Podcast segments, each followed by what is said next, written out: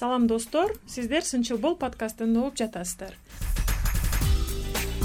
Подкастты мен айзада калканбекова жана наргиза нанакеева алып барабыз. Сынчыл бол подкастында буга чейин медиа маалыматтык сабаттуулук жана социалдык медиадагы коопсуздук балдардын интернеттеги коопсуздугу тууралуу сөз кылганбыз. Ал эми бүгүнкү чыгарылышта болсо телефондогу мессенджерлер тууралуу сөз кылабыз дүкөнгө барып смартфон сатып алгандан кийин дароо эле аны колдонуп баштайбыз э? Алгач эле бизден google аккаунт дегенди сурайт. Бул болсо gmail почтабыздын логини жана паролу тилекке каршы көпчүлүк смартфон колдонуучулар бул нерсеге көп көңүл бурбай деле келишет да. Жана дароо эле сатуучунун өзүнө настройка кылып бериңиз деп суранышат. Ал эми сатуучу болсо эмне кылат? Ал өзүнүн оюнан чыгарган логинди жана паролду жазып берип коет да. Же болбосо өзүнүн gmailин колдонгон учурлар да болот бирок аны эч жерде мындай сактап же эстеп дагы калышпайт телефон колдонуучулар анан кийин болсо телефон алмаштырууга келгенде же болбосо башка бир контактыларын же дагы бир нерселерин жоготуп алса фотолорун жоготуп алса аларды таппай калган учурлары көп болот да. Gmail почтанын логини жана паролун билүү абдан маанилүү google аккаунт эмне үчүн сурайт? Google аккаунтту биз эмне үчүн колдонобуз? Google аккаунт бул google э, play markеттен керектүү тиркемелерди көчүрүүгө бирден бир эшик ачкан нерсе да google аккаунт. Google аккаунтсуз биз эч кандай телефонубузга эч кандай тиркемелерди киргизе албайбыз. Instagram facebook whatsapp эч бирөөсүн биз google аккаунтубуз жок болсо биз киргизе албайбыз дегенди түшүндүрөт да телефонубузга. Мисалы байланыш контактыларды сактоо фотолорду сактоо документтерди сактоо жеңилдейт кийин телефон алмаштырууда эч кыйынчылыксыз эле биз мисалы google аккаунтубуз бар болсо биз кийинки жаңы телефонубузга дагы кайра көчүрүп алсак болот мындан тышкары бүт эле телефонубуздагы мындай көп маалыматтар ошо google диск google э, аккаунтубузга сактасак болот да. Мисалы фото видеолорду дагы контактылардан тышкары. Мына жаңы телефон алганда мисалы биз ошол эле google аккаунтубуздун жардамы менен бүт баардыгын кайра жаңы телефонубузга киргизип алабыз. Бул мындай сыйкырдуу нерсеге окшош кетет да. Ооба анткени бул google аккаунт телефон колдонууну дагы абдан жеңилдетет да. Жана анын көп функциялары бар негизи маанилүү фотолорду бир телефондон экинчи телефонго көчүрүүнүн кажети деле жок болот. Бирок көпчүлүк учурда азыр бизде телефон колдонуучулар өзүнүн эски телефонун жаңы телефонго алмаштырганда ушундай кыйынчылыктар менен туш келишет да. Алар контакттарды жоготуп алышат же болбосо маанилүү бир фотолорду же видеолорду жоготуп алышат. Бирок google аккаунтта ушул google фото жана google диск деген өзүнүн атайын функциялары бар. Ошол функциялар аркылуу өздөрүнө керектүү маалыматтарды кийинки жаңы телефонго эч кыйынчылыксыз эле логин паролду терип жазуу менен эле кирип анан аларга жетүүгө мүмкүнчүлүгү бар көпчүлүктөр эле мисалы коркуп кетебиз да телефонубузду жоготуп алып деп эле баш үстүнө мыкчып отуруп калабыз. Анын телефонунун ичинде канча кишинин телефону бар эле депчи. А сүрөт видеолор биздин мисалы үй бүлөлүк архив катары телефонубуз жүрө берет да анан кийин ошонун баары үчүн мындай аябай кыжырлануу сезими пайда болот да. Анан ошо google аккаунттун жардамы менен биз ошол контактылар видео фотолорду дагы сактап э, алганыбыз. Мен үчүн абдан мындай жакшы нерсе да муну билип алганыбыз абдан маанилүү. Андан тышкары дагы мисалы контакттарды сактоодо жеке эле телефондо же сим картанын эсинде эмес аны ошол google аккаунттун ичинде сактоо деген функцияны тандап койгон болсок анда ошол аккаунттун ичинде тоскоолдук дагы жок канча миңдеген контакттарды сактоого дагы мүмкүнчүлүк бар да бирок ошол эле учурда биз паролдор абдан маанилүү экендигин айтып кетишибиз керек. Бул сиздин телефонуңуздагы пароль биринчи кезекте сиз телефонуңузду сатып алгандан кийин албетте ал телефонуңуздун мисалы биринчи кезекте эгерде жоготуп алсаңыз башка бирөө сиздин телефонуңузга э, паролу жок э, телефон болсо албетте ачып кире берет. Эгер паролу бар болсо же болбосо ачкычы бар болсо эми пароль деген мисалы сиз цифра менен же болбосо э, цифра менен кыла турган болсоңуз телефонуңузда анан ачкычын мисалы вертикалдуу же горизонталдуу түрдө мисалы сүрөтүн тартсаңыздар болот да. Сиздер баарыңыздар деле колуңуздарда телефондоруңуздар бар ошондуктан мени түшүнүп жатасыздар деп ойлойм урматтуу угармандар. Ошон үчүн биринчи кезекте ошо паролдор кыйын болуш керек да. Шылуундар телефонуңузду уурдап алса алар сиздин паролдор көбүнчө бир эки үч төрт беш деген паролдорду коюшуп алат. Мындан тышкары мисалы сиздин э, өзүңүздүн туулган датаңызды коюп алышыңыз мүмкүн. Мисалы төртүнчү январь болсо ноль төрт ноль бир деп. Же болбосо жылыңызды бир миң тогуз жүз сексен экинчи жылы туулганмын депчи мисалы он тогуз сексен эки деп. Мындай паролдорду эч качан койбош керек. Анткени мисалы сиздин телефонуңузду уурдап алган киши жакын адамыңыз болуп калышы мүмкүн. Туугандарыңыз таанышыңыз кошунаңыз же болбосочу. Анан алар сиздин туулган жылыңызды билет сиздин э, туулган күнүңүздү билет. Албетте сиздин телефонуңузду анан кийин ачып алып каалаганын жасай бере алат. Мындан тышкары мисалы жанагы google аккаунт тууралуу кесиптешим айзада айтып кетти. Google аккаунт бул сиздин ошол gmail почтаңызга андан тышкары google дискиңизге баардыгына сизге мындай э, ачып берет. Э, google аккаунт э, мисалы gmail деген бул почта сиз бирөө менен кат аркылуу бирөө менен кат алмашсаңыз болот сүрөттөрдү алмашсаңыз болот видеолорду алмашсаңыз болот. Бул булут сервиси деп коет. Эми булут деп өзү айтып тургандай эле сиздин видео фотолоруңуз мындай кандайдыр бир бир жерде сакталып турат да бул кандайдыр бир мейкиндикте. Ошондо сиз мисалы телефонуңузду эч кандай э, телефонуңуздун ичинде мисалы памяти кандайдыр бир чектелүү гана болот да. Анан ал жерде мисалы телефонуңузга эле сактай берсеңиз баардыгын. Телефонуңуздун иштеши да начарлайт телефонуңуздун памяти толуп баштаганда. Анан кийин э, мындан тышкары телефондун деги эле мындай иштешин аябай начарлатат да. Ошон үчүн google дисктин бул жерде мындай ролу абдан чоң. Google дискке сиз ошо видео жана фотолорду сактап э, мындай жакшы сапатта сактоого абдан жакшы мүмкүнчүлүк берет ошол google э, аккаунтта сиздин өзүңүздүн паролуңуз жана э, логиниңизди эстеп калсаңыз сиз башка компьютерлерден башка телефондордон дагы кирип кайра эле өзүңүздүн ошо фото видео жана өзүңүздүн байланыш контактыларга кайра эле жеткиликтүү боло аласыз мен болсо google фото сервиси жөнүндө айтып кетейин. Google фото сервиси бул google компаниясынын эң ыңгайлуу сервистеринин бири болуп саналат. Анткени ал жерде жалаң фотолор сакталат. Жакшы сапатта. жогорку сапатта сакталат. Эң негизгиси аны сүрөткө тартууда синхронизация кылып коюш керек. Телефондун настройкасына кирип анан google фото менен байланыштырып коюу керек. Ошол учурда сиз кайсыл жерден сүрөттөрдү тарткан болсоңуз ал жерин датасын баардык нерсенин баарын эске алып туруп сактап койгон болот да. Анын эң дагы жакшы жактары бул ошол эле жерден ар түрдүү анимацияларды жасап сизге жыл сайын мындай эскертүүчү видеолорду дагы даярдап жөнөтүп турат. Мисалы бир жыл мурда сиз ысык көлгө баргансыз деп анан ысык көлдө түшкөн сүрөттөрүңүздүн баардыгын чогултуп туруп анан сизге сунуштап бере алат. Мындан тышкары адамдардын келбетине жараша дагы сортировкалап сизге таап бере алат. Бир адамдын сүрөтүн издеп аткан болсоңуз ошол сиздин google фотонун ичинде ошол адамга тиешелүү баардык сүрөттөрдүн баардыгын тең чыгарып берет. Айзада сен өзүң google диск менен google аккаунт менен колдоносуңбу ооба мен дайыма ушул эки сервисти колдоном анткени булар абдан ыңгайлуу каалаган учурда мага керектүү сүрөттөрдү алып алам да. Бирок керексиз болуп калган сүрөттөрдү дагы тазалап өчүрүп ал жердеги орунду бошотуп турам. Анткени ал жерде дагы мындай таштандыларды көп чогултпаш керек. Мындан беш жыл мурунку сүрөттөрүм керек болсо дагы мен беш жылдан бери он телефон алмаштырдым деп коеюн мисалы. Бирок ошол эле сүрөттөрүм мурунку он жыл мурунку көтөрүп жүргөн телефонумда тартылган сүрөттөр азыркы телефонумдан деле карай алам. Анткени менин фотолорум ошол google фото google фото сервиси менен байланыштырылган.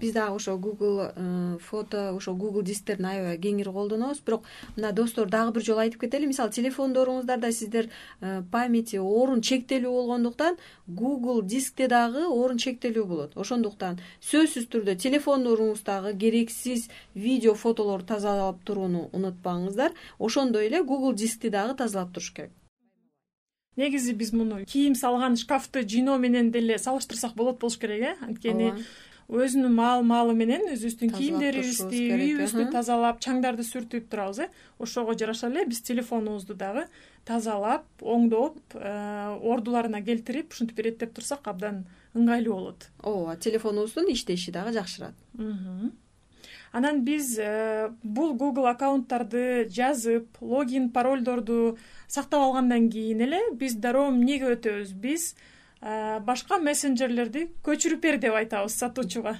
Play markettен play markettен көчүрүп бер дейбиз. Анан бизге сатуучулар ошол э, мессенджерлерди көчүрүп берет. Алар кайсылар болушу мүмкүн? Эң популярдуу бүгүнкү күндө колдонулган whatsapp жана телеграм телеграм жана башка мессенджерлер демек биз бүгүн анда whatsapp жана телеграмдын дагы ыңгайлуу жактары жөнүндө дагы айтып бере кетели э негизи көбүрөөк ошо whatsapp жана телеграмдарды колдонобуз да биз мисалы бири бирибиз менен жазышуудан бири бирибизге сүрөттөрдү видеолорду жиберебиз. Көп маалыматтарды мисалы биз ошо видео э, маалыматтарды дагы whatsapp жана телеграмдан алып турабыз. Мессенджерлердин бири биринен айырмасы кандай же болбосо артыкчылыктары кандай мына ушул боюнча кеңири сөз кылабыз whatsappты негизи бизде азыр жергиликтүү элдер дагы региондордо дагы абдан көп адамдар whatsapp мессенджерин колдонушат да. Жана эң популярдуу мессенджер болуп эсептелет экен whatsapp. Анда миллиондогон адамдар дүйнө жүзү боюнча колдонуп отурушат да. Бирок баары эле ушу маалымат алмашуу менен гана колдонушат көбүнчөсү. Бирок анын кээ бир пайдалуу жактарын дагы аңдап биле албай калган учурлар бар. Ошон үчүн биз пайдалуу жерлерин дагы айта кетсек болот. Мисалы биринчи адамдын өздүк маалыматтарынын көрүнүктүү болушун же болбосо көрүнүктүү эмес болушун тандасак болот экен мен мисалы экөөбүз э, сен экөөбүз тең whatsappта мисалы бири бирибиз менен сүйлөшсөк мен сенин кайсы маалыматтарыңды көрө алам кайсы маалыматтарыңды көрө албайм. Мисалы ошону сен өзүң настройкалап жасасаң болот ооба э? мисалы өзүнүн профилиндеги фотосун жана статус деп коебуз э күнүгө биз статуска бир кайсы бир видеолорду кимдер көрө алат кимдер көрө албайт ошонун баардыгын. сүрөттөрдү коебуз жана ошону ким көрсүн деген функциясы аркылуу тандап туруп анан өзгөртүп алсак болот э? Ал жерде мисалы whatsappка настройкисине киргенде аккаунт деген жер бар. Жана аккаунттан приватность деген жерге өткөндө ошол жерден биз тандай алат экенбиз экинчиси бул бири бирибизге келген билдирүүлөрдү форматтап аларды башка бир шрифттер менен жазуу дагы мүмкүн экен. Биз мындай жөн эле тере беребиз го?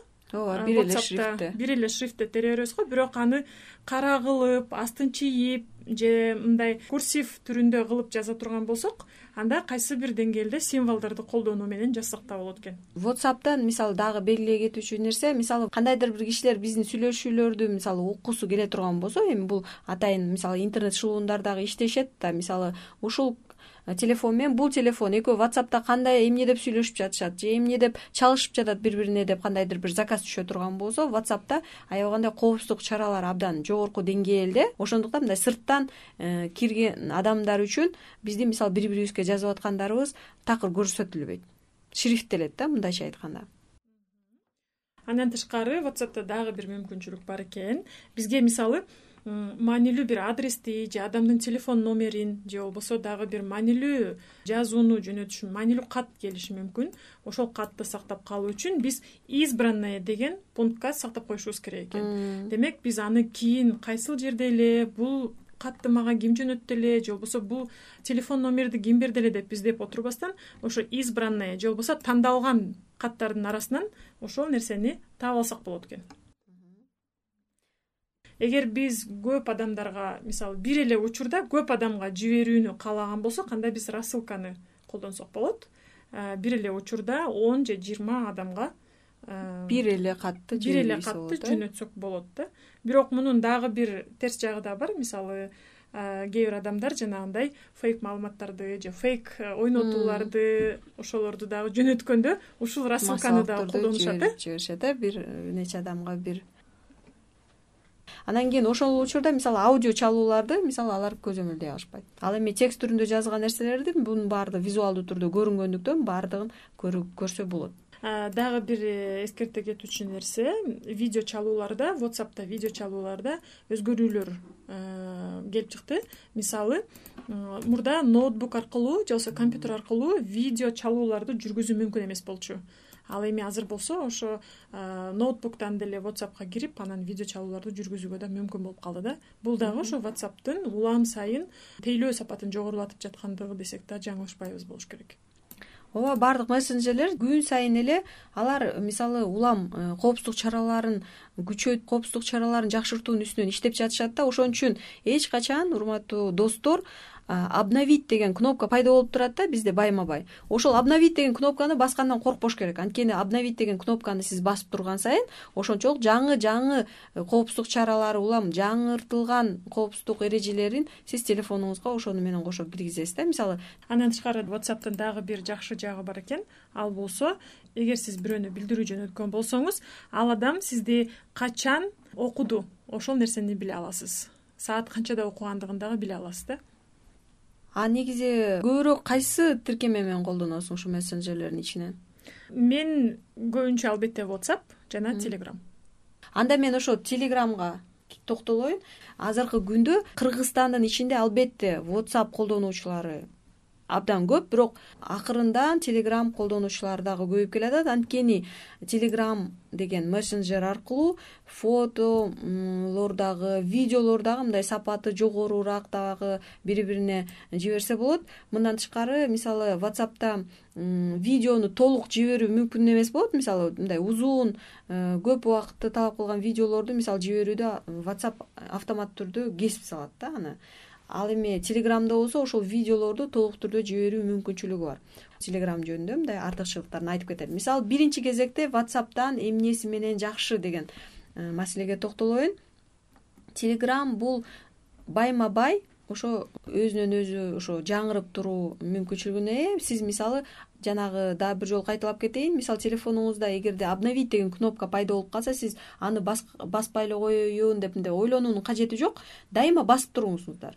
Анткени мен айтып кеткендей бул whatsappты же телеграмды же башка тиркемелерди ойлоп тапкан адамдар албетте сөзсүз түрдө анын коопсуздук чараларын дагы жакшыртуунун үстүнөн дагы иштеп жүрүшөт алар токтошпойт алар дайыма иштей беришет. Мисалы улам вирустардын дагы жаңы түрлөрү чыгат. Сиздердин мисалы жеке маалыматтарга чабуулдар абдан көбөйөт сиздердин кайсы эмне кандай тиркемелерди колдонсоңуздар ошончолук ошол жака чабуулдар дагы мисалы интернетте көбөйө берет. Ошондуктан сиздер мисалы обновить деп өзүңүздүн телеграмыңызды же whatsappыңызды телефондогу кандайдыр бир тиркемелерди байма бай жаңыртып турсаңыз обновить деген кнопканы басыпчы.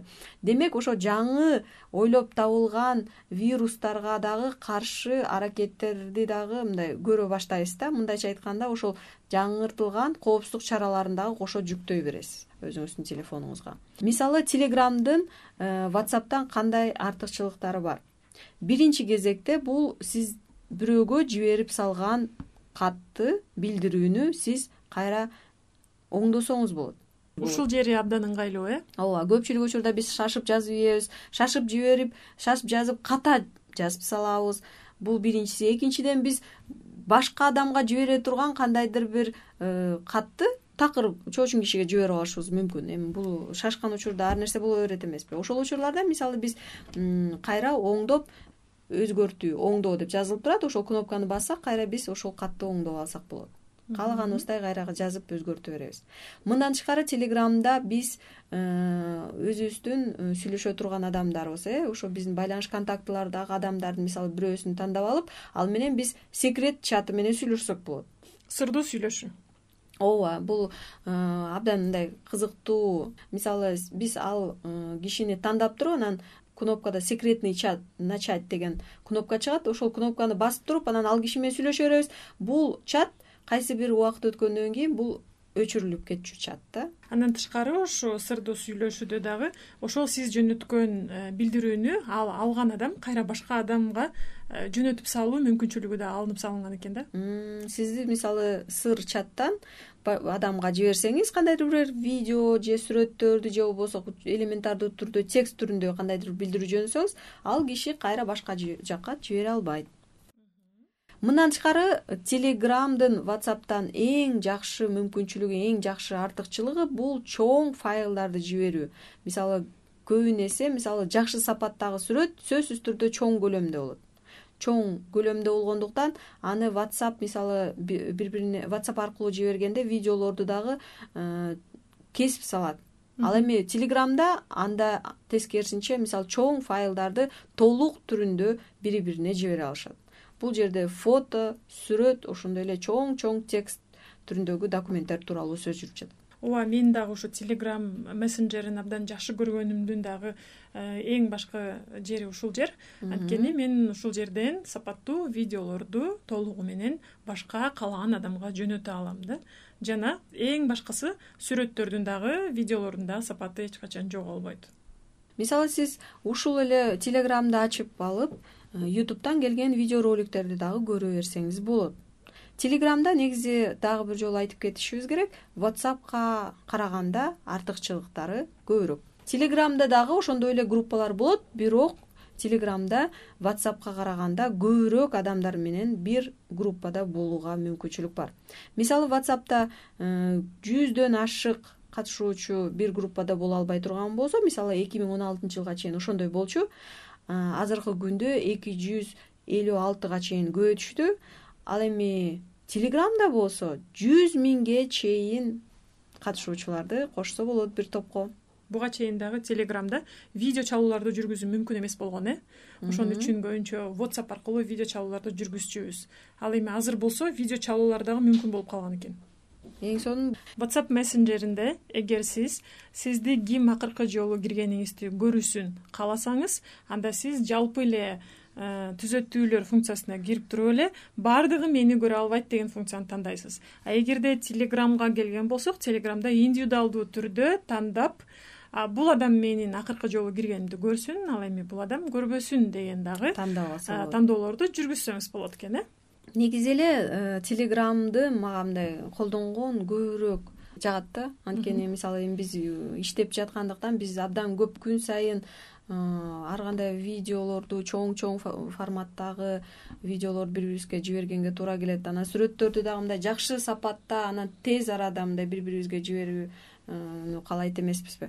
Ошондуктан мисалы мен көбүнчө көбүн эсе телеграмда мен колдоном а whatsappта болсо мен болсо көбүнчө мисалы туугандарым же болбосо кошуналарым менен сүйлөшөм дагы а телеграмда мен көбүн эсе мына жумушка байланыштуу контактылар менен сүйлөшөм. Негизи эң маанилүү жери бул телеграмда телефондогу орундарды ээлебей турган эң жакшы мессенджер болуп эсептелет э. Анткени ал жерде автоматтык түрдө э, оор файлдар телефондун ээсине жүктөлө бербейт. А whatsappта болсо мисалы сиз кандайдыр бир сүрөт же видеолор келсе ал түздөн түз эле э, сиздин галереяңызга кирип кетет дагы телефонуңузду тез эле орун калбай калат. Ал эми телеграмда болсо сиз тандап кайсы фотолор кайсы видеолор мисалы телефонуңузга киришин каалайсыз каалабайсыз өзүңүз көчүрүп мындай жүктөп алсаңыз болот. Ооба биз болгону бүгүн ошол мессенджерлердин түрлөрү жөнүндө сунуштарыбызды жана пайдалуу кеңештерибизди бердик. Ал эми угармандар ар кимдин өзүнүн эрки э кайсы мессенджерди ким тандап колдоно алат негизи ар бир смартфон колдонуучу кайсы мессенджерди кааласа өзүнүн эрки биз гана болгону кеңештерди гана бере алдык.